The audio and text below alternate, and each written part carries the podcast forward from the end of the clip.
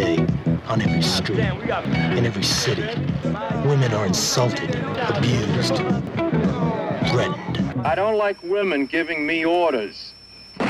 Nowy rok, nowe my, nowe wyzwanie. 2023 ogłaszamy rokiem zemsty. Marta i Bogusia. Zapraszamy na podcastową przygodę z kinem Rape and Revenge. Oglądamy, dyskutujemy bez tabu. Kobiety eksploatacji. W każdą czwartą środę miesiąca. Tylko w konglomeracie podcastowym.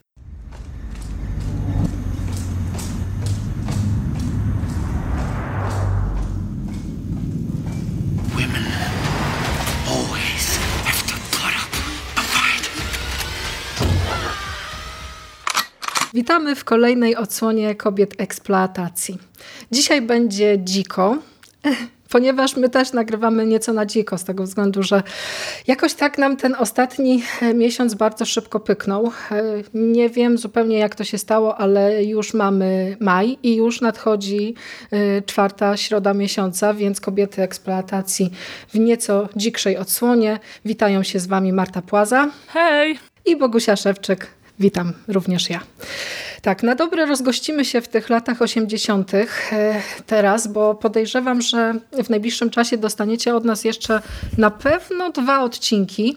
Jakoś tak się przyjęło, że w tych latach 80. powstawało sporo filmów z nurtu e, Rape and Revenge, albo przynajmniej takich filmów, które gdzieś aspirowały do tego, żeby powiedzieć w tym podgatunku coś e, więcej. A dzisiaj bierzemy na tapet jeden z takich najbardziej kultowych, sztandarowych przykładów właśnie tego kina e, lat 80., mianowicie film Savage Streets, Dzikie ulice z roku 1984. Ja ci się muszę, Marta, przyznać od razu na samym początku do tego, że ja kompletnie nie wiem, o czym będziemy rozmawiać, bo e, to jest taki film, który gdzieś w mojej głowie wywołuje po prostu przeróżne, sprzeczne emocje związane z tym, jakie były moje oczekiwania względem niego, a co finalnie dostałam. To trochę tak, jakby we mnie siedziały dwa wilki. Jeden właśnie taki bardzo, bardzo zadowolony z seansu, wyjący z radości na widok właśnie tych wszystkich mm, elementów charakterystycznych dla kina lat 80., no a drugi taki właśnie nieco mniej zachwycony, malkontent. Czepialski, prawda? tak, taki czepialski, więc y, od razu chciałabym się na starcie zapytać ciebie, jak to było w twoim przypadku? Czy to była twoja y, pierwsza przygoda z tym filmem? Jakie miałaś y, względem niego oczekiwania? No i który wilk w tobie dominuje? Ojejku, hmm, dużo pytań. tak, tak, nie, nie. A tak zupełnie poważnie to, no właśnie, moi drodzy, to jest podcastowa kuchnia, spotykamy się, nie wiemy o czym mamy gadać a potem wychodzi półtorej godziny y, nagrania. Y, Dzisiaj tak, tak nie będzie. ale tak zupełnie serio to powiem ci, że miałam dosłownie tak samo jak ty. Część, część rzeczy mi się podobała, a część mnie straszliwie wkurzyła, więc wydaje mi się, że trochę to zależy, nasz odbiór trochę zależy od tego, jak do tego filmu podejdziemy. Bo jeżeli podejdziemy jak do klasycznego kina Rape and Revenge, to myślę, że można zaryzykować wniosek, y, że raczej się zawiedziemy, Natomiast jeżeli podejdziemy do tego jak do takiego, wiesz, akcyjniaka z kobiecym zacięciem mm, z lat 80., to być może trochę bardziej nam się ten film e, spodoba, bo jest tu sporo takich właśnie atrakcji z epoki, które nieźle się zestarzały, nieźle wyglądają, tylko no właśnie, pytanie, czego będziemy od tego filmu oczekiwać, bo tak jak wspomniałaś, e, trochę się rozsiądziemy, rozsiądziemy w tych latach 80., trochę rekompensując wam E, tą szybką przebieżkę przez lata 70. E, I wiesz co, mając w pamięci kino Raven Revenge z lat 80., różne przykłady, które również będziemy omawiać w naszym cyklu, to mam wrażenie, że Dzikie ulice wypadają dość słabo, bo jednak ten wątek Raven Revenge jest tutaj potraktowany no dość po macoszemu mimo wszystko. Będziemy o tym dlaczego będziemy rozmawiać później, więc tak na starcie to myślę, że nasz odbiór zależy właśnie od tego, czego będziemy się po tym filmie spodziewać, bo tu jest dużo naprawdę fajnych rzeczy, ale też takich, które się moim zdaniem y, kompletnie nie udały. I to też była moja pierwsza przygoda z tym filmem, więc mm, teoretycznie miałam, wiesz, y, czystą kartę, bo nie wczytywałam się nawet za bardzo w fabułę. Y, wiedziałam tylko, że ten film istnieje, kto w nim gra i w zasadzie tyle.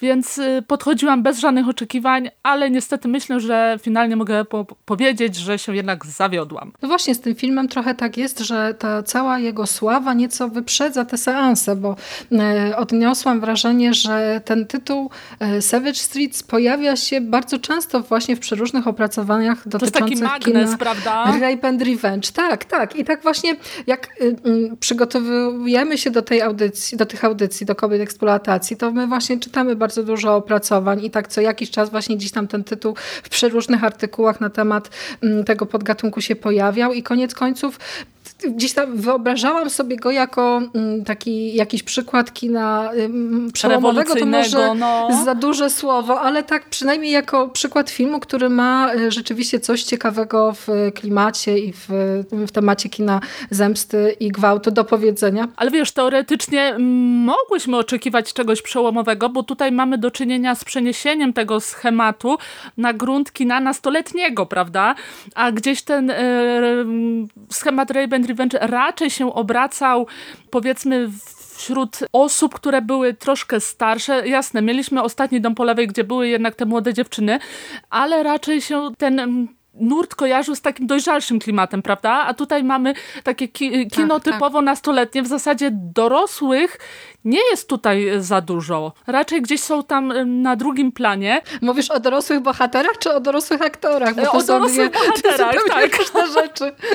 Ale wiesz co, dlatego tak ci tylko wejdę słowo, więc że teoretycznie było, były podstawy oczekiwać czegoś przełomowego. No ale wyszło jak wyszło. Wyszło jak wyszło. W latach 80. Y, takich produkcji y, wpisujących się gdzieś tam w schematy tego nurtu y, było rzeczywiście całkiem sporo, ale w większości y, odnoszę takie wrażenie, że nawet jeśli zdarzały się jakieś takie przełomowe perełki albo jakieś filmy, które próbowały faktycznie do tego worka Rape and Revenge dołożyć coś nowego, no to one gdzieś tam y, przemykały bez echa, bo lata 80. to był faktycznie taki czas, kiedy y, to był czas właśnie wielkich gwiazd, filmów wypełnionych akcją i jakichś takich właśnie ikonicznych stylówek. I y, pod kątem oddania epoki i y, wszystkich tych elementów charakterystycznych dla 80sów, y, no to wydaje mi się, że Savage Street są bardzo dobrym przykładem właśnie tak. kina swojego mhm. czasu, bo jak widzowie, jak nasi słuchacze zdecydują się na odpalenie tego filmu i obejrzenie go, no to zapewniam was, że ten 80sowy sos będzie wam się rzeczywiście wylewał z ekranu praktycznie praktycznie na każdym kroku. No właśnie, tylko jest pewnego rodzaju problem, ponieważ mm, ja złapałam się na tym, że w przypadku akurat tego konkretnie y, scenariusza mam kłopot polegający na tym, że tutaj ścierają się jakby dwa tony, bo mamy historię, która jest z jednej strony właśnie taka komediowa, bo tam te nastoletnie zgrywy i to jest y, połączone z ciężkimi mm, tematami właśnie gwałtu, y, przemocy, morderstwa, nawet, bo tutaj się dzieją e, rzeczywiście przeróżne rzeczy. I to ta mieszanka nie do końca jednak została odpowiednio wyważona. I spodziewałam się jednak nieco innego, trochę lepszego filmu, ponieważ e, z Dzikie ulice są gdzieś tam w internecie mm, bardzo mocno chwalone i określane mianem takiego klasyka kina, kina y, grindhouse'owego i tego kina eksploatacyjnego, więc mm, mając gdzieś tam z tyłu głowy taką reklamę i te wszystkie y, hasła w stylu, że to jest prawdziwa kobieca bohaterka, tutaj ona skopie wszystkie męskie tyłki, y, klasyczny wygląd Lindy Blair, no to gdzieś to te wszystkie hasła huczały mi w głowie i oczekiwałam naprawdę jakiegoś takiego mocnego kopniaka. No a co z tego wyszło, no to za chwilę tutaj sobie z Martą bliżej bliżej poopowiadamy. Tak jest. Tutaj warto jeszcze dopowiedzieć, że no, nie każde girl power jest rzeczywiście girl power, prawda? Bo kino e, Rape and Revenge, ale też kino jako takie nieraz udowodniło, że gdzieś tam e, kapitalizowanie tego pozornego, feministycznego zacięcia jest tak naprawdę tylko chwytem, e, aby gdzieś tam kobiety jednak mimo wszystko traktować protekcjonalnie i trochę tutaj też w tym filmie jest to zauważalne. On jest momentami bardzo seksistowski Tak, też, zdecydowanie. Tak, wrażenie. Zdecydowanie. Wiesz co, wydaje mi się, że Dzikie ulice to w ogóle idealny przykład filmu, który jest bardziej kultowy niż rzeczywiście dobry. E, wydaje mi się, że przyczyniła się do tego trochę przemiana samej Lindy Blair, wokół której ten film jest bardzo, bardzo mocno obudowany. No, ona niewątpliwie jest twarzą Tak. całej tej produkcji. Dokładnie. Bo kurczę, powiem ci, że ja na przykład byłam w szoku, yy, patrząc na to, że między dzikimi ulicami a egzorcystą jest tylko 11 lat różnicy. A jednak y, w ciągu tego czasu wizerunek Lindy Blair z tej no, dziewczynki dziecięcej y, Reagan no, bardzo się zmienił. Bo na przełomie lat 80., 70. i 80., ale też już w latach 80., no Linda Blair była takim klasycznym symbolem seksu, prawda?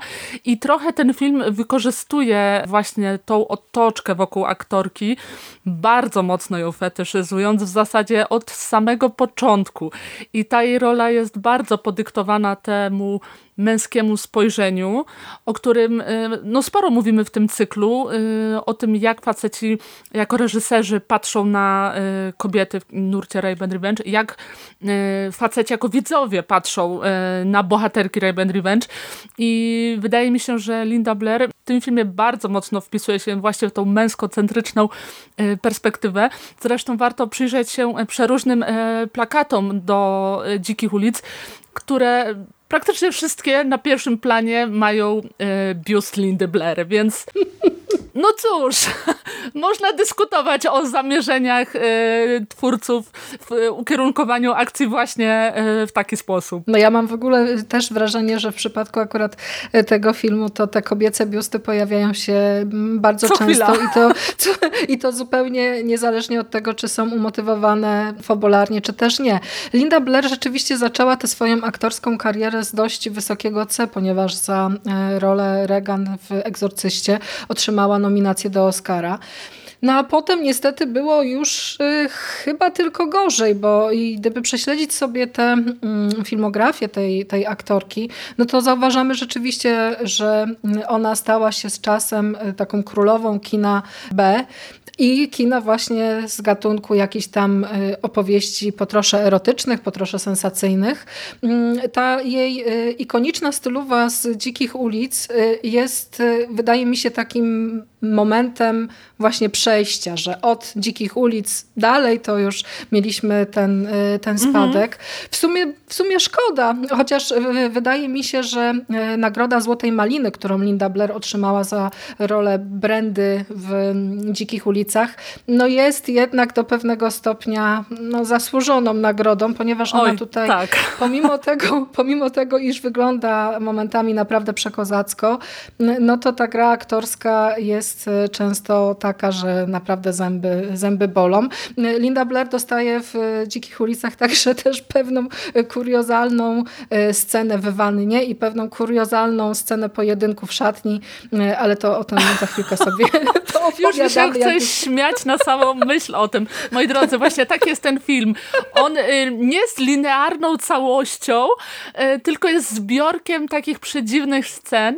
Od mojego seansu minęło chyba pięć dni bodajże y, i ja już nie pamiętam, co się działo po kolei, ale pamiętam te jakieś takie pojedyncze, zupełnie od czapy sceny. No, to jest właśnie tego typu kino. Jak nie pamiętasz, co się działo po kolei, to proponuję po obejrzeć sobie zwiastun, który jest jednym z najgorszych zwiastunów w historii kina, ponieważ w ciągu 3 minut i 14 sekund mamy po prostu streszczony cały film od początku do końca. To skoro jesteśmy właśnie na tym, y, w, tym miejscu, to może wypadałoby jednak y, też tę fabułę zarysować dla tych z widzów, dla których ym, Dzikie ulice są zupełnie nowym y, rejonem filmowej, y, y, filmowego odkrywania. No to już śpieszymy z wyjaśnieniem, że jest to historia dwóch nastoletnich gangów. Gangu y, dziewczyn, którym przewodzi właśnie Brenda w tej roli Linda Blair oraz gangu chłopaków, takich punków, handlarzy narkotyków i tutaj przywódcą jest Jake.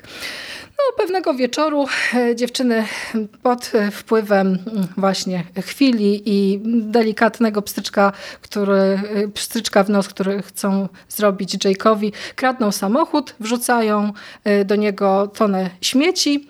No i panowie wkurzają się nie na żarty i postanawiają się zemścić na, dziew na dziewczynach, a ta zemsta przybiera naprawdę okrutną formę, ponieważ osaczają na, na sali gimnastycznej siostrę mm, Brandy, głuchoniemą e, Heter, Dochodzi oczywiście do e, zbiorowego gwałtu, dziewczyna trafia do szpitala. No i od tego momentu otrzymujemy właśnie, wydawać by się mogło taki klasyczny e, schemat kina zemsty, ale na ile to jest klasyczne, no to właśnie postaramy się Wam odpowiedzieć w dzisiejszym e, odcinku i postaramy się też powiedzieć, czy ten film jest rzeczywiście przełomowy dla nurtu Rape and Revenge.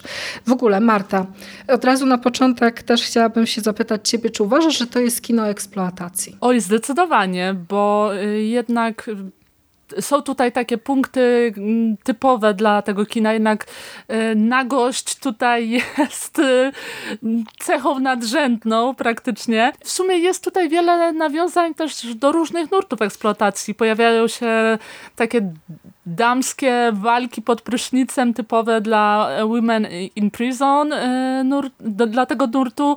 E, no jest sporo przemocy. Mam wrażenie, że przemocy też nie zawsze dobrze rozłożonej. E, chodzi mi konkretnie o morderstwo, do którego dochodzi w drugiej połowie, więc jednak gdzieś ten film bardzo tam drąży te mm, wątki takich bardzo skrajnych emocji. Zresztą sama scena gwałtu jest y, no, eksploatacją w stanie czystym, bo mamy tutaj ofiarę, która jest głuchoniema, która nie może się bronić, nie może wołać pomocy, może tak, tak to nazwę. Y, I jest ta scena pokazana w bardzo graficzny sposób. Co ciekawe, w pierwszej wersji, e, w poprzedniej wersji scenariusza była jeszcze mocniejsza i jeszcze bardziej dramatyczna, więc e, jednak dobrze, że tutaj gdzieś jakaś wewnętrzna cenzura twórców zadziałała, bo myślę, że ta scena nie potrzebowała większego podkreślenia, tym bardziej, że sam akt zemsty jest jednak bardzo nieproporcjonalny do tego, co widzimy w tej scenie, co w zasadzie było dla mnie największym zarzutem wobec tego filmu, ale o tym jeszcze będziemy rozmawiać. Więc y, generalnie ten film jest bardzo mocno przynależny y, kinu eksploatacji, ale jasne, gdzieś tam flirtuje z tym, y, co było w głównym nurcie, z tym, co było popularne. Pierwsza scena, w ogóle sam początek to jest taka stylowa a la Gris. Jeżeli mhm. widzieliście tak tamten mocno. film, to pamiętacie pewnie to, jak kamera pokazuje Johna Travolta, wiesz, ten lot od dołu, John Travolta przepotężny, tam przemierza ulicę w rytm Stay Alive, to był zresztą też y, bardzo y, klasyczny chwyt dla kina Blaxploitation, gdzie y, właśnie tych czarnoskórych bohaterów pokazywano w taki przepotężny sposób, jako y, ludzi, którzy władali ulicą i tam w tle świetna muzyka zawsze leciała. I mamy to to również tutaj, więc gdzieś tam to flirtowanie z tym e, kinem popularnym było, bo to była, mam wrażenie, scena taka czytelna e, dla ogółu widzów, nie tylko dla miłośników kina eksploatacji, bo jednak bardzo mocno była utrzymana w klimacie epoki, w tym jak e, ludzie wyglądali, jak się czesali, jaka muzyka była popularna, więc to jest takie kino eksploatacji, ale na pewno nie nurzające się tylko w eksploatacji, jak to było na przykład w przypadku y, Pluje na twój grób, prawda? Gdzie to było jednak kino zupełnie osobne, a tutaj mamy y, gdzieś ten y, krok dalej. Zresztą sam fakt, że tutaj w teorii było to kino o nastolatkach, prawda? Chociaż patrząc na wygląd niektórych aktorów, ciężko było wierzyć, że to są nastolatkowie, ale to już 30 pomijmy. plus na pewno. Bo to się zdarza również obecnie, więc już nie katujmy tego filmu. Ale tak jak mówię, jest tutaj sporo scen, które są naprawdę szokujące. Także oglądajcie na własną odpowiedzialność. Ja się w ogóle bardzo, bardzo śmiałam, jak skończył się seans i tak usiadłam i zaczęłam się skupiać nad tym, co właściwie zobaczyłam. To jest mocno specyficzne, że ten film znajduje się jakby na styku dwóch nurtów. Tego nurtu kina typowo eksploatacyjnego, no bo przecież mamy mm, zarówno bezmyślne, durne dialogi, nadmierną nagość, jak i nieuzasadnioną przemoc. To wszystko są takie jakby mm, bardzo charakterystyczne elementy y, dla y, kina eksploatacji. Odnoszę też wrażenie, że tutaj można by odhaczać jakieś takie checkpointy właśnie no. z poszczególnych nurtów, bo tak, mamy ten gwałt, mamy zemstę, jest też odrobinka slashera w tym wszystkim. Jest trochę może też post-apo, szczególnie jeśli chodzi o stylówkę Wygląd, y, członków tak. gangu. Oni są tak bardzo wyjęci z planu Mad Maxa, że no, głowa mała. Tak. jest licealna nagość, jest wspomniana przez ciebie, y, są wspomniane przez ciebie elementy kina, kobiecego kina więziennego. Brakuje w sumie tylko kanibali i zombie. Chociaż tak. i zombie się pojawiają, ponieważ inny, tego tytuł, inny tytuł tego filmu to mm, Brygada Zombie, Zombie Squad. To był jeden z takich roboczych tytułów tej produkcji, więc gdzieś tam ta eksploatacja no, jak najbardziej zatoczyła w przypadku tej produkcji naprawdę szerokie, szerokie kręgi.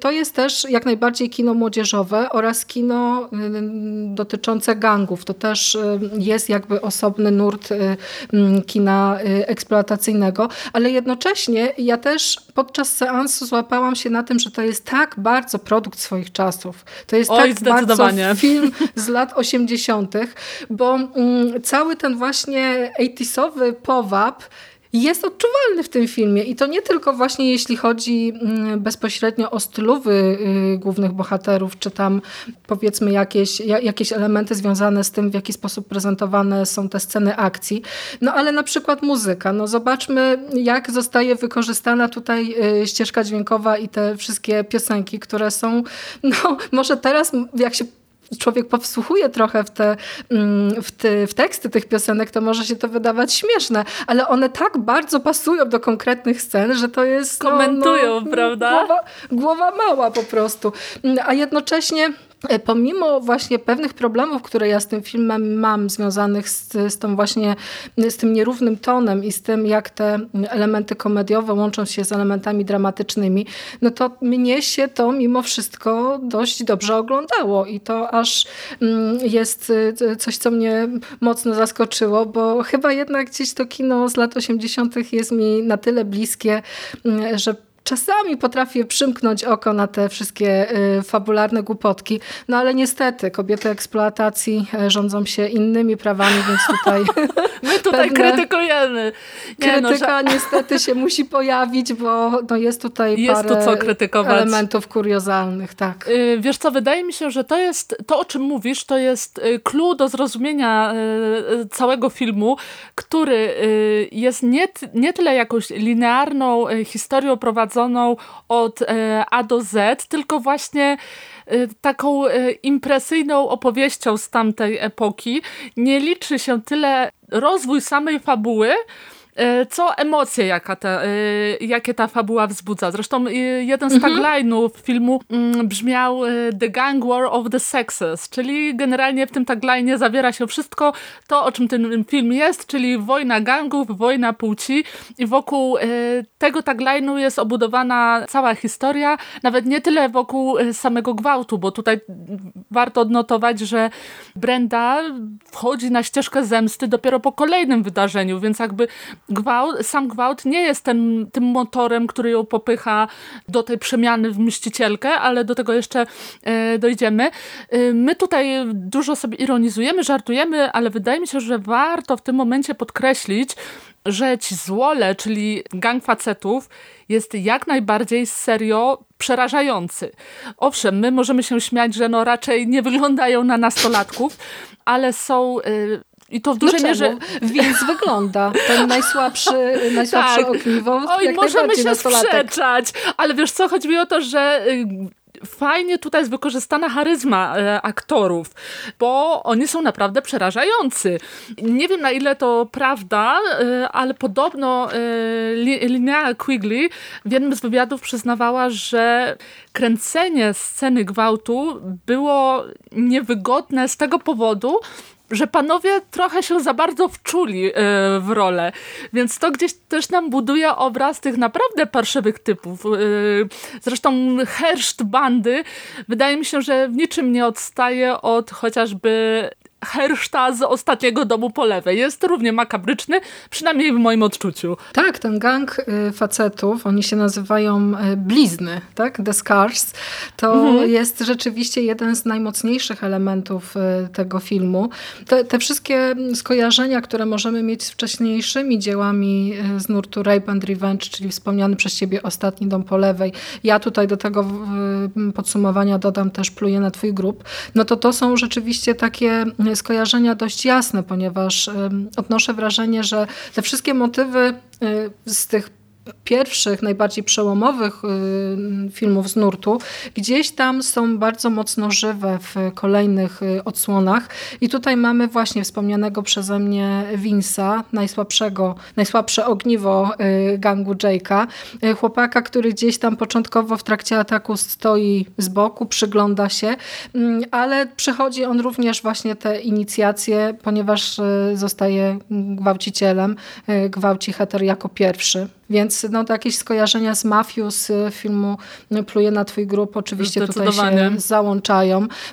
Robert Dreyer jako Jake, no to jest już po prostu mm, chyba jeden z najlepszych złych charakterów, czarnych charakterów, jakie widziałam w ogóle, bo zarówno cały ten jego wygląd, jak i sposób, w jaki mm, Dreyer portretuje Jake'a, no to jest po prostu mistrzostwo świata. On mhm. jest stworzony po to, żeby nie nienawidzić ludzi. tak. I patrząc, patrząc na niego nawet w jakichś takich właśnie e, niewinnych sytuacjach, kiedy on tylko coś tam stoi i, i coś mówi, to i tak mamy wrażenie, że to jest e, facet, któremu po prostu bardzo niewiele brakuje, żeby e, przeobrazić się w jakiegoś takiego krwawego właśnie zbira, który jest gotowy zrobić wszystko.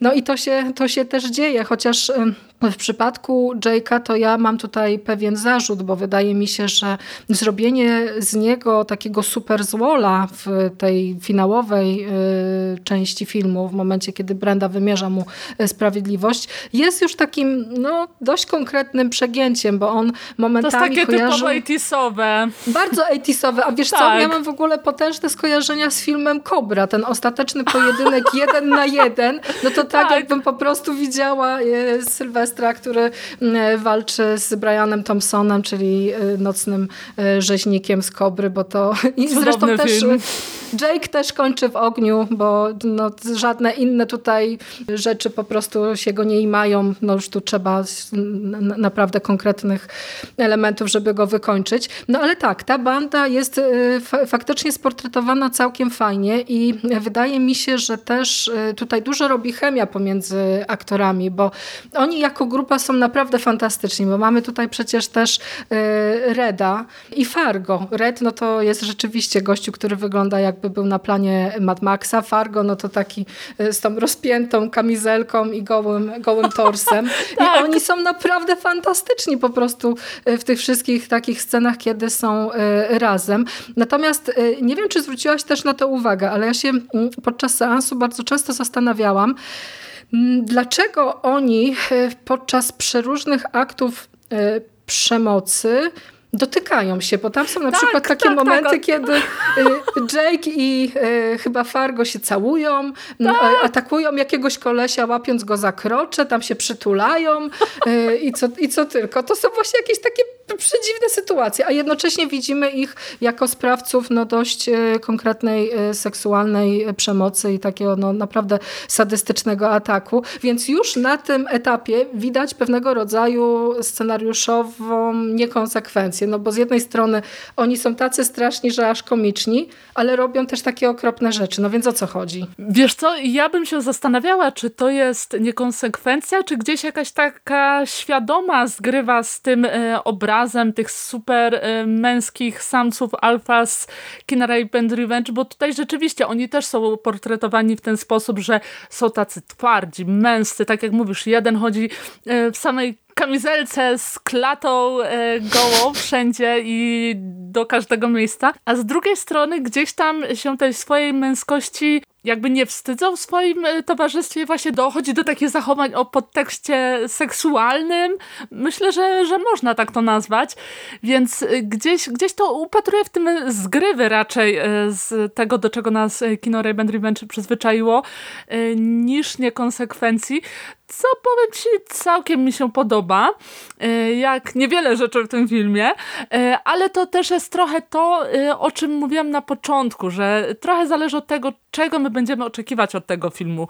Bo jeżeli takiego kina Rebel Revenge na serio, no to właśnie takie rzeczy tego typu mogą gdzieś nam ten odbiór zaburzyć, bo no w wielu momentach to jest bardzo jajcarski film i takie rzeczy gdzieś, gdzieś ten kierunek y, budują mm, gdzieś rozbijają trochę ten obraz tej takiej bandy twardzieli, y, ale z drugiej strony, no właśnie, dość często pojawia się taka zupełnie przypadkowa, nadmierna przemoc, która gdzieś się z tymi komediowymi wstawkami e, miesza. Dlatego rację masz w tym, o, o czym mówiłaś, że mm, w tym filmie są niejako dwa tony.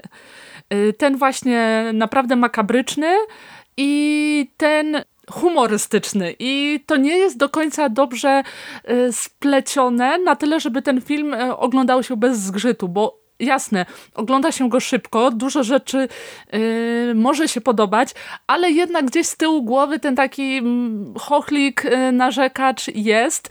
Ja ci powiem, że na przykład miałam problem z tym, że dochodzi do gwałtu, okej, okay, wszyscy się przejmujemy, jest y, trauma, ale potem gdzieś następuje takie swoiste wygaszenie akcji. Okej, okay, jest nam powiedziane, że Heather jest na tyle poturbowana, że no jest na granicy życia i śmierci i leży w szpitalu. Ale w zasadzie Potem ten film gdzieś zupełnie zapomina o tej swojej rape and revenge'owej proweniencji i dopiero gdy dochodzi do morderstwa, tutaj uwaga spoiler, jednej z dziewcząt z y, gangu, to wtedy pojawia się akt zemsty, więc tutaj można sobie zadać pytanie, czy ten gwałt był potrzebny? Wiesz, to jest to niekonsekwencje dostrzegałabym w tym kierunku historii. Ja się zastanawiam, na ile właśnie e, takie rozbicie e, tego dzieła na dwa zupełnie odrębne filmy, na ile to ma związek z całą historią tej produkcji, bo ja odnoszę wrażenie, że Savage Street, Streets to była taka, mm, to był taki film, który od samego początku miał pecha. E, początkowo na fotelu reżysera zasiadał Tom DeSimon, mm, który został z tej funkcji odwołany. I jego miejsce zastąpił, y, na, y, na jego miejsce wskoczył Danis Steinman, mm, czyli taki reżyser, który gdzieś tam po, po, początkowo y, tę swoją karierę zaczynał w branży porno, no a potem stał się rzeczywiście reżyserem kilku takich no, osławionych klasyków kina B. No i to, to właśnie to tak jest, jak mamy kilku twórców, kilka odrębnych wizji. Do tego wszystkiego jeszcze dochodzi też taka osoba jak y, John Strong, czyli mm, facet, który gdzieś tam pojawił się również jako producent y, tego filmu, miał go w ogóle uratować, bo okazuje się, że po dwóch i pół tygodniach od startu y, zdjęć kasa przeznaczona na tę produkcję się skończyła. Więc y, gdzieś tam do pewnego stopnia zarówno y, scenariusz, jak i różne elementy realizacyjne tego filmu musiały zostać przycięte tak, żeby mm, ekipa zmieściła się w budżecie. Y, Steinman miał oczywiście też do pewnego stopnia gdzieś tam swoją odrębną wizję zbudowaną głównie wokół mm, postaci granej przez Linda Blair. No i teraz tak, dwie osobowości, każda ma zupełnie inne wyobrażenie filmu. Y, może rzeczywiście Steinmanowi zależało bardziej na jakiejś takiej y, jajcarskiej trochę y, wizji, a to John, John Strong chciał zaprezentować jednak nieco więcej takich dramatycznych tonów. Nie dowiemy się.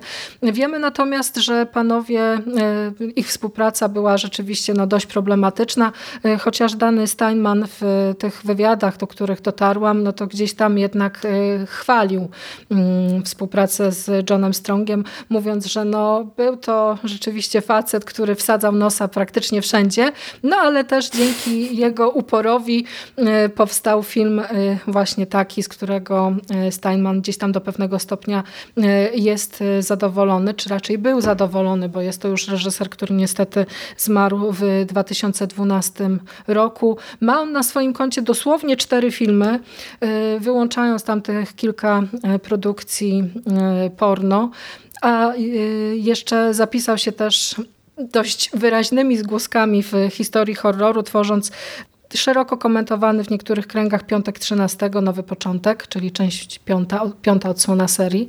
No gdzieś tam on rzeczywiście Miał chyba dryg do takich y, mm, opowieści właśnie w tym eksploatacyjnym y, nurcie i gdzieś istotnie y, sporo tego, tej kobiecej nagości przemycał w tych swoich filmach, bo ty Marta narzekasz na scenę gwałtu, ale warto to też podkreślić, że jest ona przedzielana ze sceną właśnie pojedynku Brandy z, z koleżanką Cindy. I właśnie to też jest dość e, za, zabawne, bo sam reżyser, sam e, Steinman mówił, że zależało mu właśnie na tym, żeby do pewnego stopnia grozę całej tej e, sceny gwałtu przełamać, bo no przecież taka scena, jak się tam babeczki tłuką pod prysznicem, no to zgrywa na całego jest, nie? Ale to jest takie kuriozalne, bo tam najpierw bije się Brenda z tą swoją Nemezis, prawda? Z tą swoją wielką wrogini,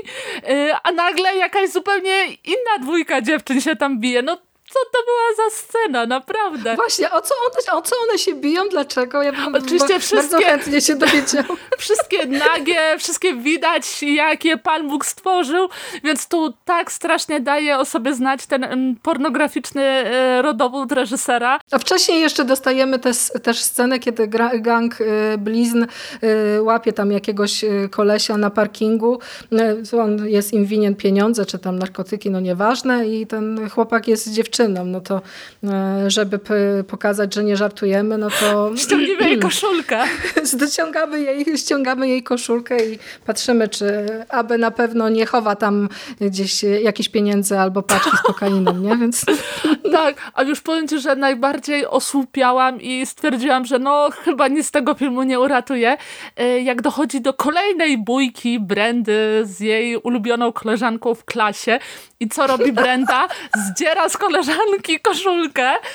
Po w ogóle przy kole... nauczycielu, to też tak, jest piękne. Nauczyciel nie reaguje, y, nagie cycki latają po klasie, y, nikogo to nie obchodzi, no ale wiecie, ja y, tutaj ironizuję, śmieję się, no bo to jest tragikomiczne, ale wydaje mi się, że w filmie, który gdzieś miał tam jakieś ambicje, żeby przenieść te wątki kina Raven Revenge na taki nastoletni grunt, no to takie sceny nie chcę tu za bardzo narzekać, bo mimo wszystko uważam, że ten film warto sobie sprawdzić samemu, żeby gdzieś tą opinię wyrobić, ale no takie sceny były zbędne wydaje mi się. I myślę, że ten film y, dużo bardziej by skorzystał na tym, żeby ten wątek y, gwałtu zupełnie wyciąć. Żeby gdzieś zrobić z tego właśnie taką głupawą komedyjkę o pod tytułem, wiesz, kobiety kontra faceci, napieprzajmy się, prawda?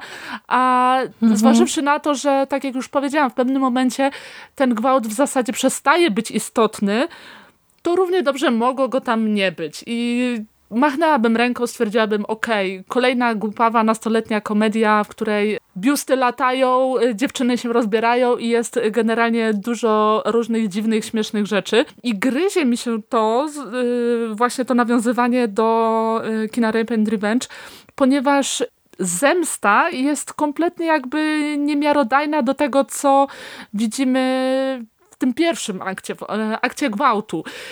Nie chciałabym jeszcze przechodzić do finału, bo mhm. jeszcze jest dużo różnych rzeczy do gadania, ale no właśnie taki mam mimo wszystko dysonans, a tym bardziej, że środek filmu to jest jakaś e, totalnie, wiesz, e, etap od czapy, który jakby zupełnie opowiada e, film w innym e, nastroju, w innym kontekście, więc tak jak mówisz, tutaj czuć, że były różne perturbacje na planie i że e, różne osoby gdzieś tam swoje palce maczały w tym, jak ten film e, był rozwijany. Tak, ten, ta, ta, środkowa część filmu, o której wspominasz, no to są w dużej mierze właśnie jakieś takie scenki rodzajowe, które przywodzą na myśl rzeczywiście filmy o nastolatkach, bo ja tutaj ten cały klimat kina nastoletniego bardzo mocno, bardzo mocno czuję.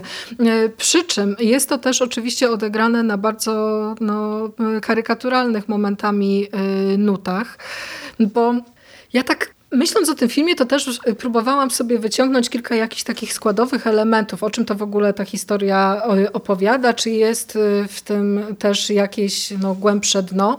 Y, I tak sobie pomyślałam, że do pewnego stopnia dostajemy tutaj dość konkretną krytykę szkoły i całego tego systemu edukacji, bo te dzieciaki są w szkole, uczą się w liceum.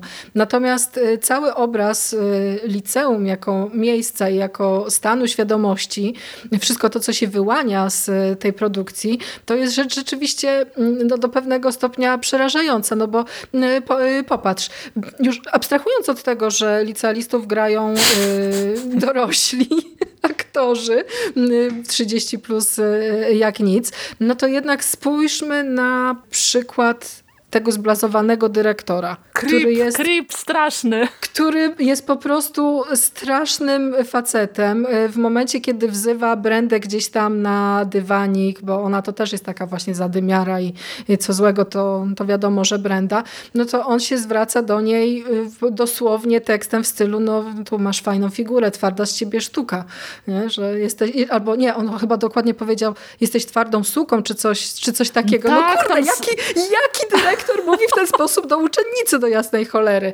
Albo, po, albo też y, właśnie dochodzi do ataku na y, siostrę Brandy, do ataku na Heter, y, dochodzi w szkole, na terenie szkoły, a on usprawiedliwia się mówiąc takie zdanie, że jej przede wszystkim nie powinno tam być. No do jasnej choinki, gdzie jej nie powinno Victim być? Blaming, w, dost w dostępnej dla wszystkich sali gimnastycznej, czy po prostu w szkole jej nie powinno być.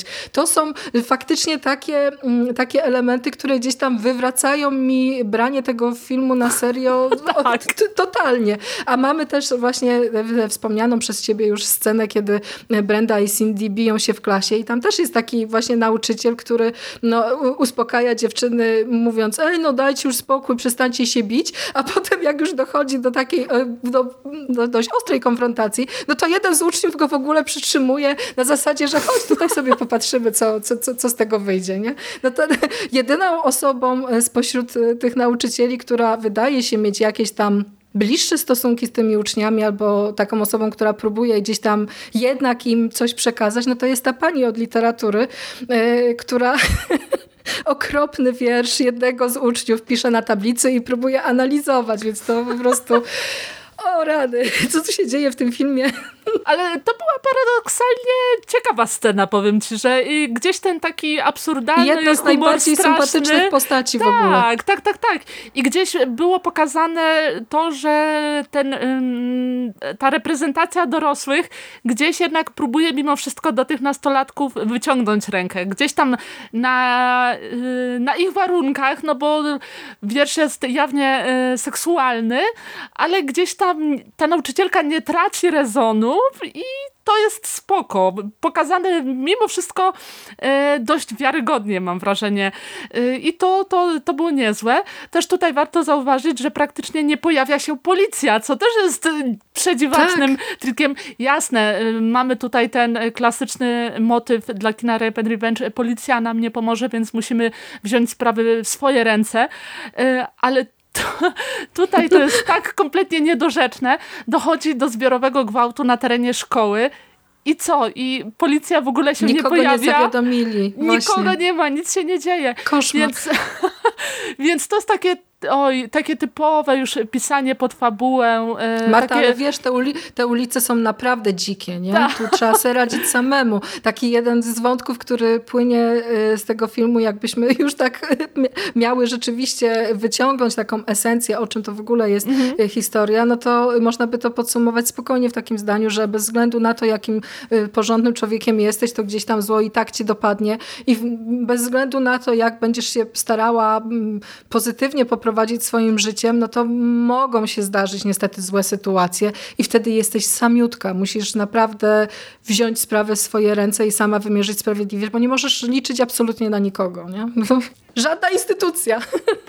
Tutaj sobie też pozwolę na taką drobną interpretację, bo w sumie to też może być y, ciekawe y, w kontekście całego nurtu. Oczywiście jestem przekonana, że zupełnie niezamierzone ze strony twórców, y, ale zobacz, mamy tutaj y, Los Angeles, czyli jednak duże mhm. miasto, mhm. które tak. gdzieś tam powinno być atrakcyjne, szczególnie dla młodych ludzi, prawda? Ale gdzieś no jednak tak nie jest i zobacz jak często ci młodzi ludzie, no bo tak jak mówiłaś, to są nastolatkowie z liceum, a już mają w sobie taki duch takiego zrezygnowania, że oni chcą mhm. jak najszybciej stamtąd uciec, co najmniej jakby mieszkali na jakimś zadupiu, prawda?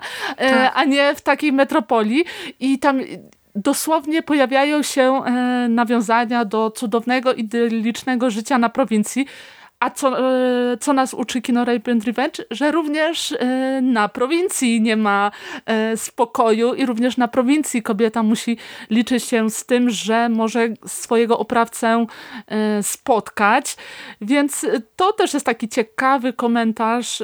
Tylko tak jak mówię, wydaje mi się, że kompletnie niezamierzony. Chociaż wiesz, Marta, ja uważam, że w ogóle obraz miasta jako takiej fabryki koszmarów i jako takiego miejsca naprawdę nieprzychylnego, no to w tym filmie działa bardzo mocno, bo tak. E, mhm. zawsze wydawało mi się, że to Los Angeles e, w filmowych różnych przestrzeniach jest portretowane jako takie miejsce no, kolorowe, pełne życia, a tutaj okazuje się, że na tych ulicach rzeczywiście wszystkie chwyty są mm, dozwolone. Los Angeles nigdy jeszcze nie wydawało mi się tak bardzo paskudne i obskurne jak, e, i brudne jak właśnie w, w tym filmie. To jest faktycznie taka, tak. taka miejska przemoc podniesiona podniesiona już do, do, dość mocno do konkretnej potęgi, bo tutaj y, nawet jeśli możemy się naigrywać, że akurat te dwa gangi, gang dziewczyn i gang chłopców, no to się spotykają bardzo często, a to jest przecież potężne miasto, no to jednak do, do pewnego stopnia stanowią one y, reprezentację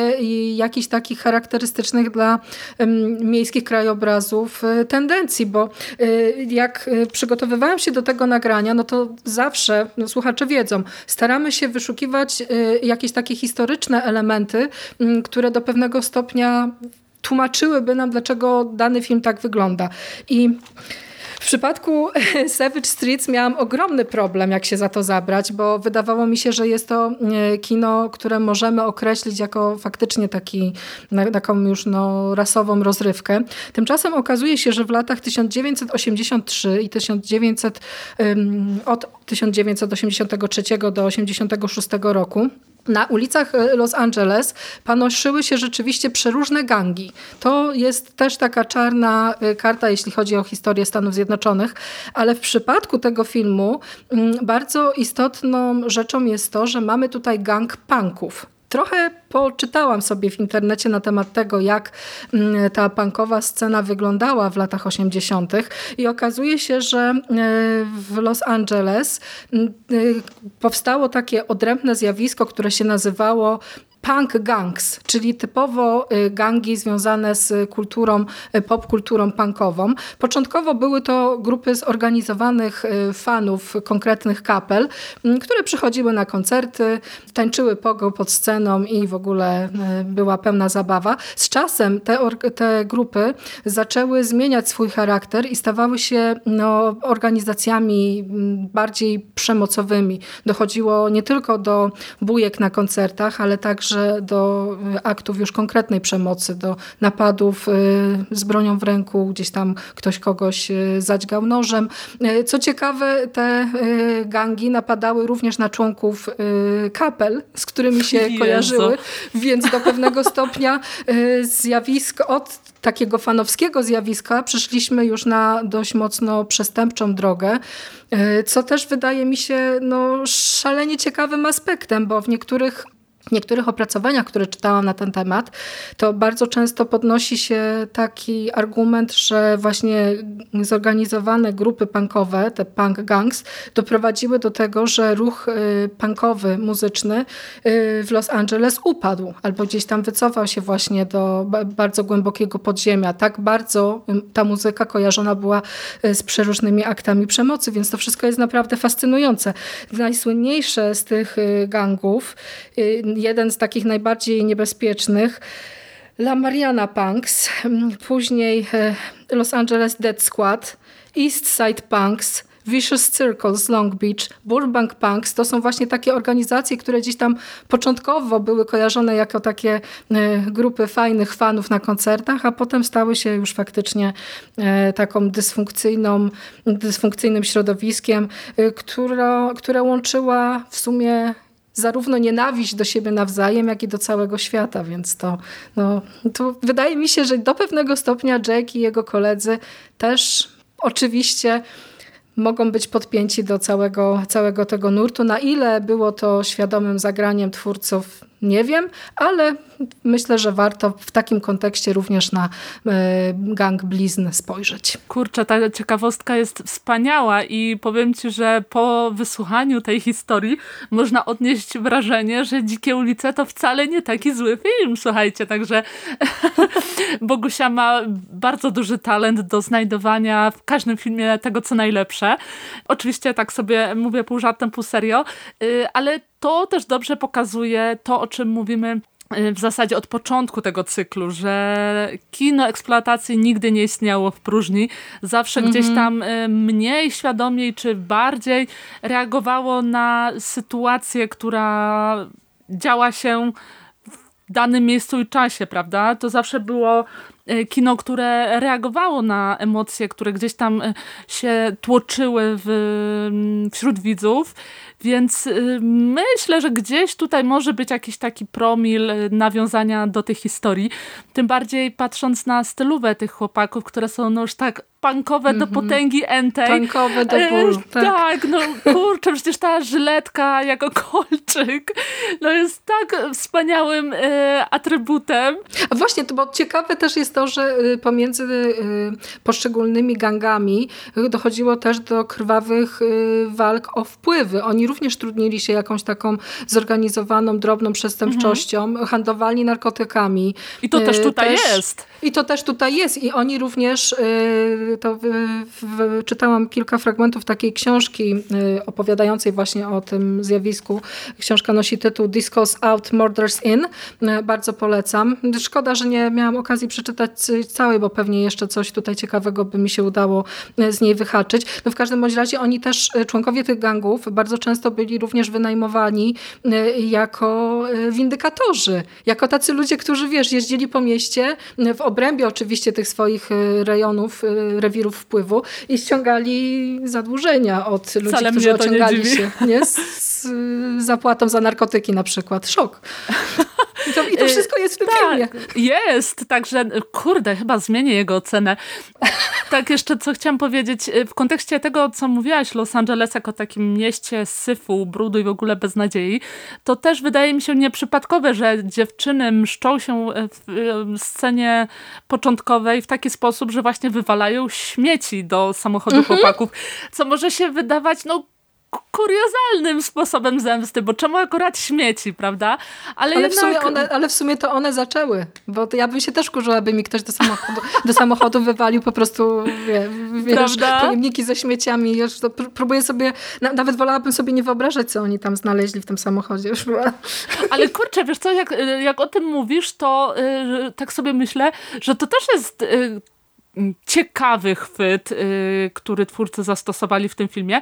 No bo rzeczywiście jest tak, jak mówisz, że y, pierwsze starcie Dziewczyny tych dwóch grup... sytuację. Tak, że pierwsze starcie tych dwóch grup, no to y, dochodzi w momencie, gdy Heather prawie wpada pod samochód chłopaków. Oni gdzieś tam jakieś takie swoje zaczepki serwują, ale generalnie sytuacja rozchodzi się po kościach, prawda?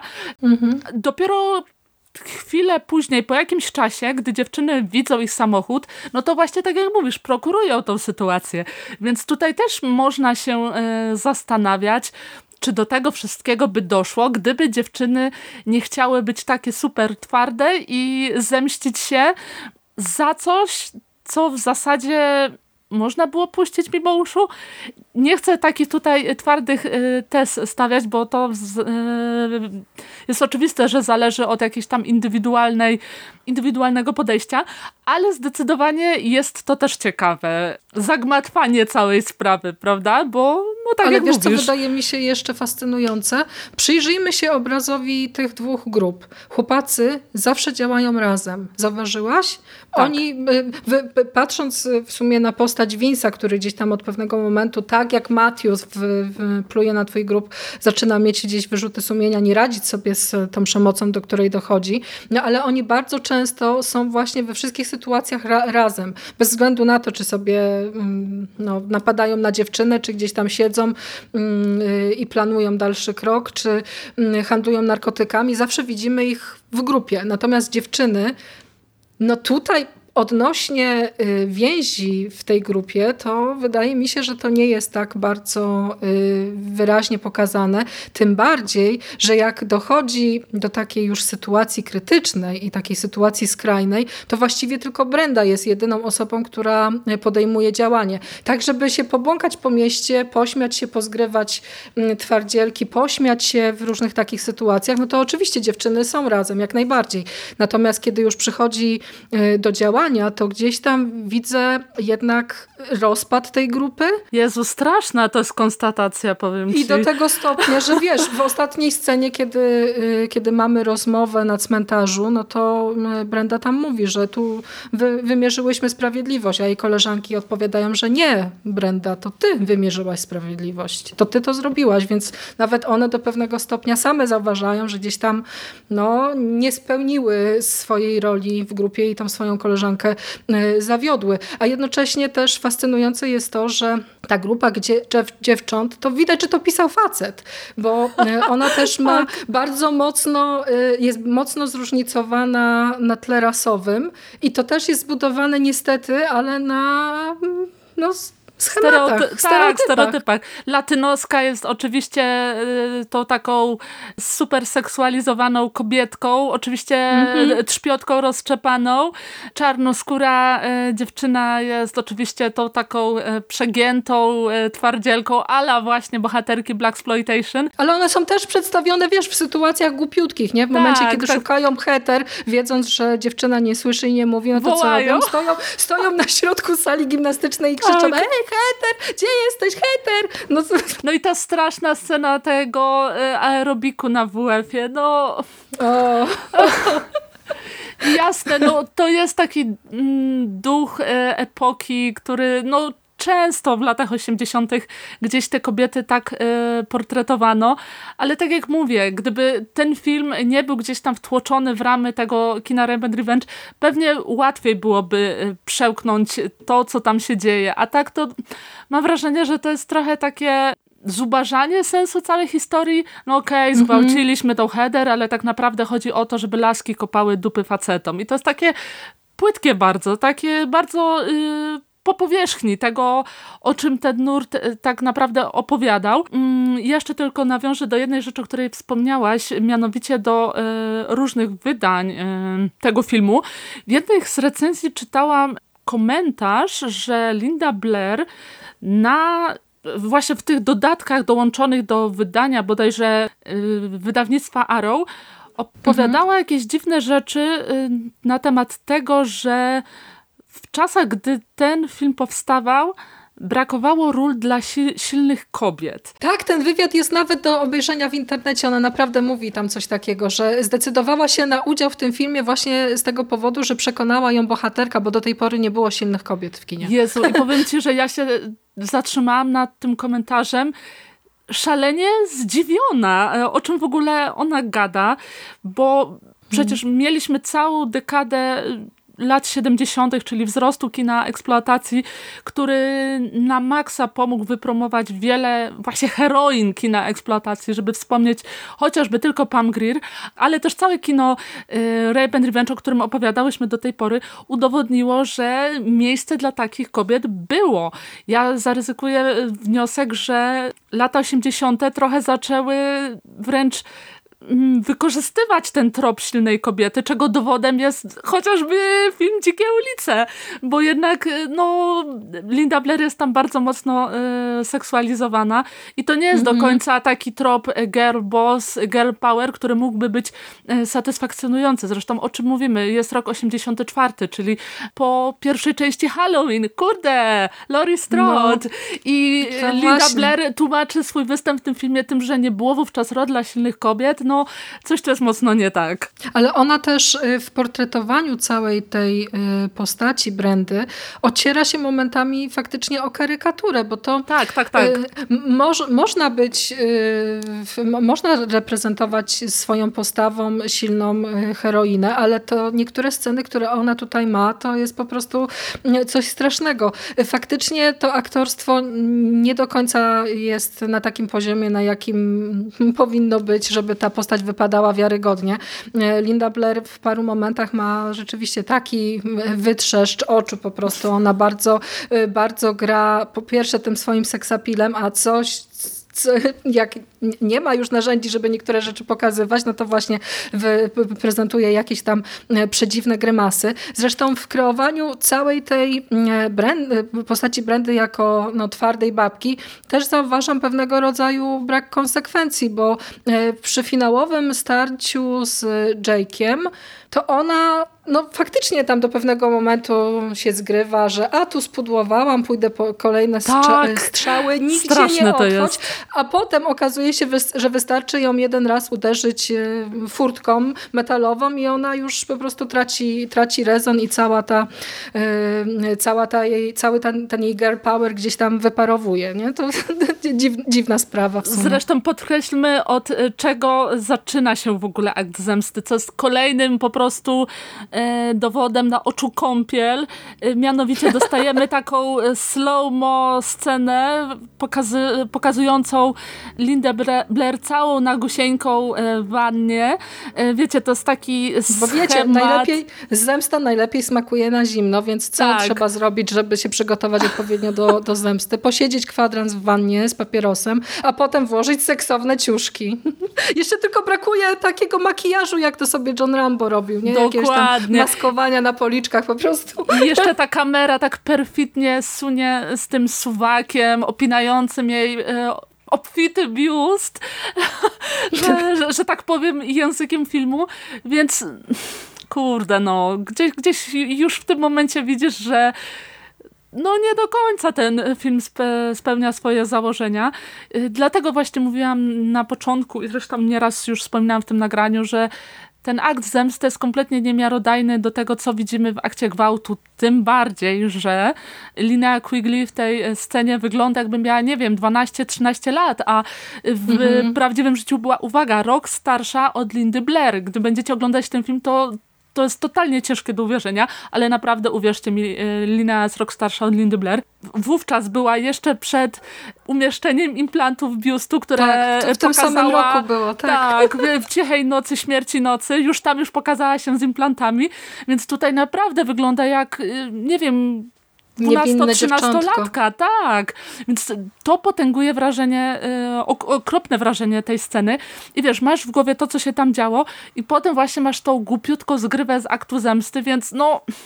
Gdzieś, gdzieś tutaj jest takie wrażenie nie do końca dobrze zrealizowanego schematu. Dlatego ja się zastanawiam, po cholerę w ogóle ten film y, odwoływał się do, do tego nurtu. Trochę traktując ten nurt, mam wrażenie, no pretekstowo jednak że wiesz, jako taki yy, totalnie już wabik na widza, jasne, kino Raven Revenge najczęściej było, miało wpisany w swój charakter, bycie tym wabikiem na widza, ale gdzieś tam w większości tych filmów mimo wszystko kryło yy, krył się jakiś kierunek, jakaś teza, a tutaj to jest wszystko tak bardzo pretekstowe, że jako kino Raven Revenge się ten film nie sprawdza. No to tak trochę jakby twórcy chcieli tutaj napakować po prostu wszystko. Tak, dokładnie tak. I kino, i kino akcji, i kino właśnie jakieś, yy, i kino zemsty, i jakieś tutaj elementy komediowe, i lekką erotykę, no, a to to trzeba być nie lada dobrym twórcą i mieć naprawdę ogromne wyczucie,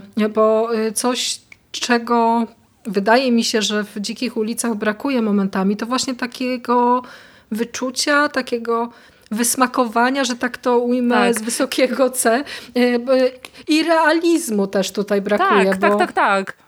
Moim zdaniem to, co nie sprawdziło się e, w Dzikich Ulicach, świetnie sprawdziło chociaż, e, świetnie się sprawdziło chociażby w Revenge, o którym będziemy mówić za kilka miesięcy prawdopodobnie. No tam też jakaś granica jest przekroczona, ale wyszło Dokładnie to, tak, świetnie. No, świetnie.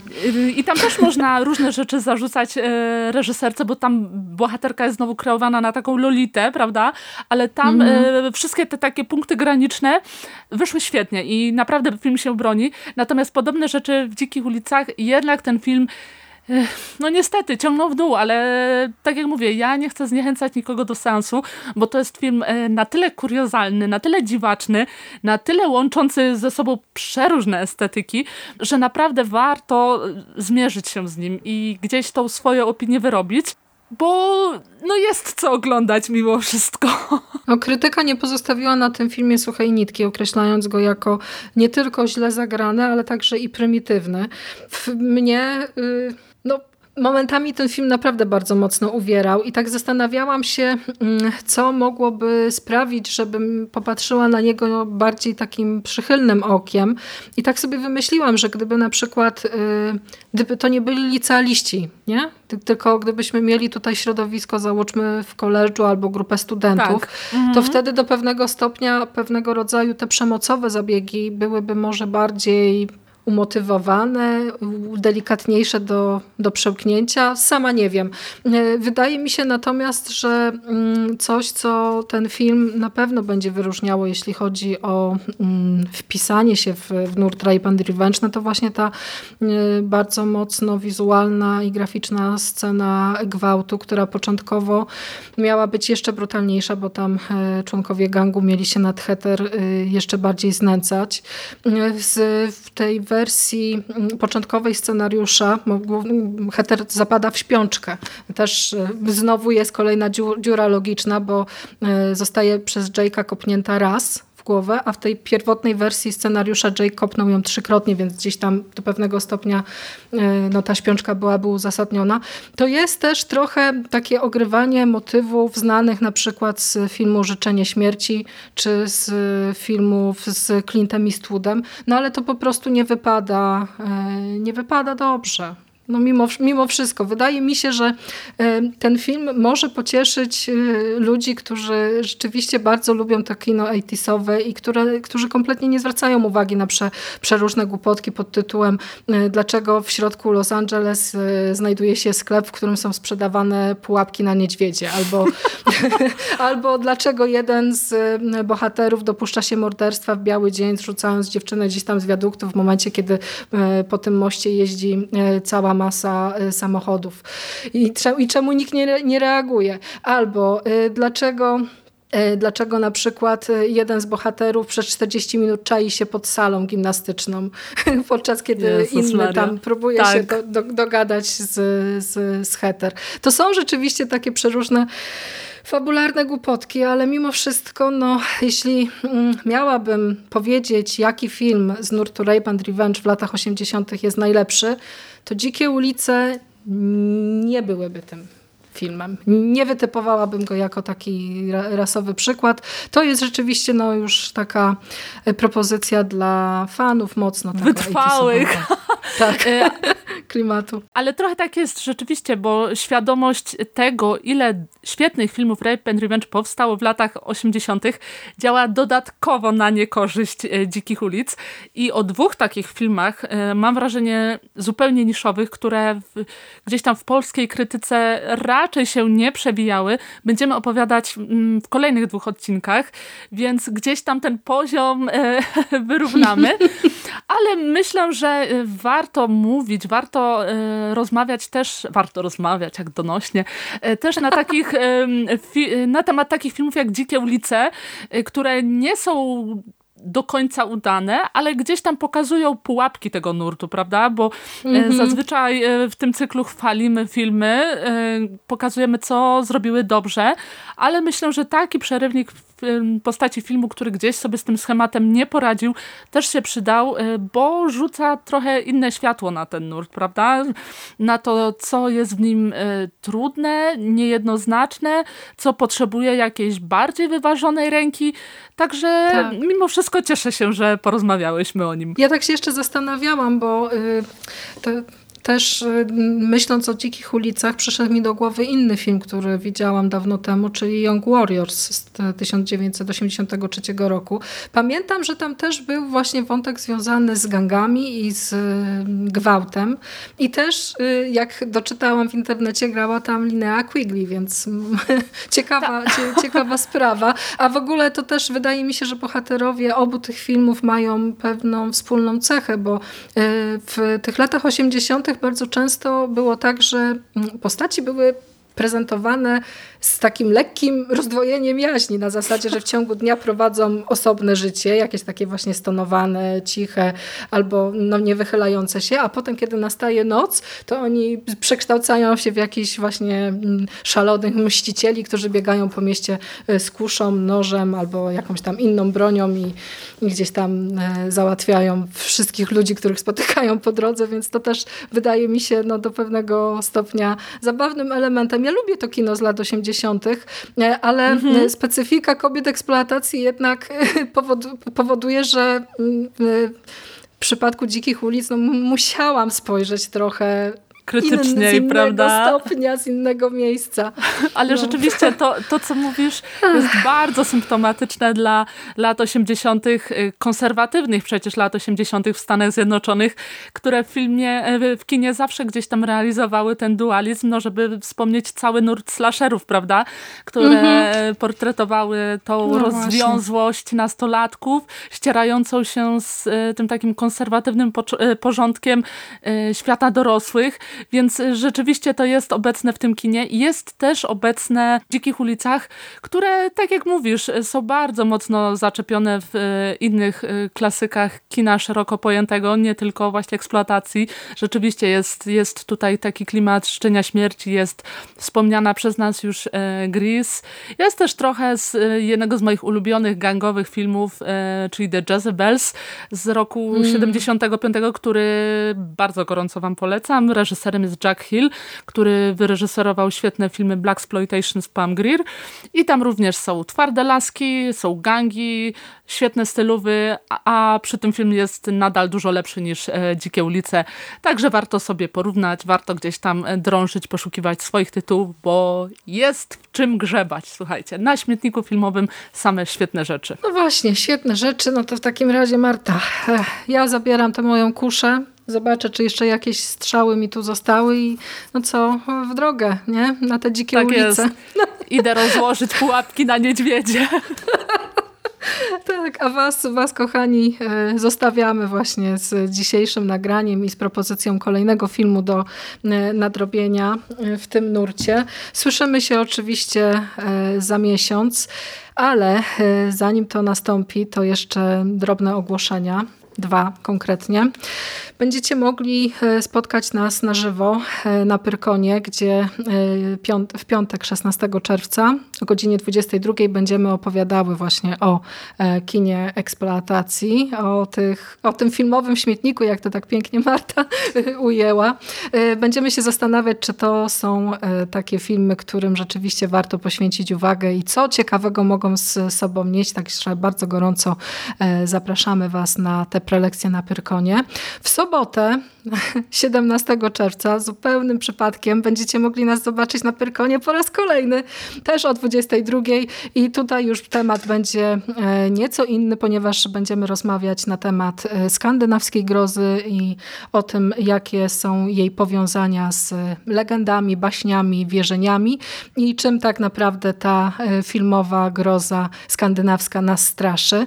A jeśli jeszcze wam mało naszego gadania, to mamy też pewne ogłoszenie. Marta, twoja kolej? Tak, kolejne ogłoszenie dotyczy 30 maja, kiedy to o godzinie 9 na antenie Radia Kapitał będziecie mogli nas posłuchać przez całe dwie godziny, jak będziemy sobie o filmach różnych rozmawiać.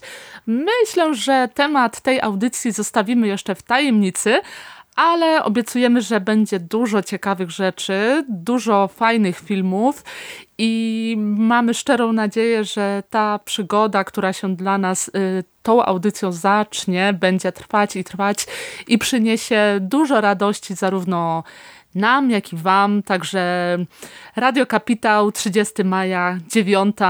Do usłyszenia. I do usłyszenia w kolejnych kobietach eksploatacji. No dużo, dużo tego. Słyszymy tak, się. Dzieje Słyszymy się, kochani. się widzimy i co tylko, a za dzisiejszy podcast gorąco, gorąco Wam dziękujemy. No i wędrujemy tymi dzikimi ulicami dalej. A wytrzymajcie się ciepło i do usłyszenia. Papa. Papa. Pa.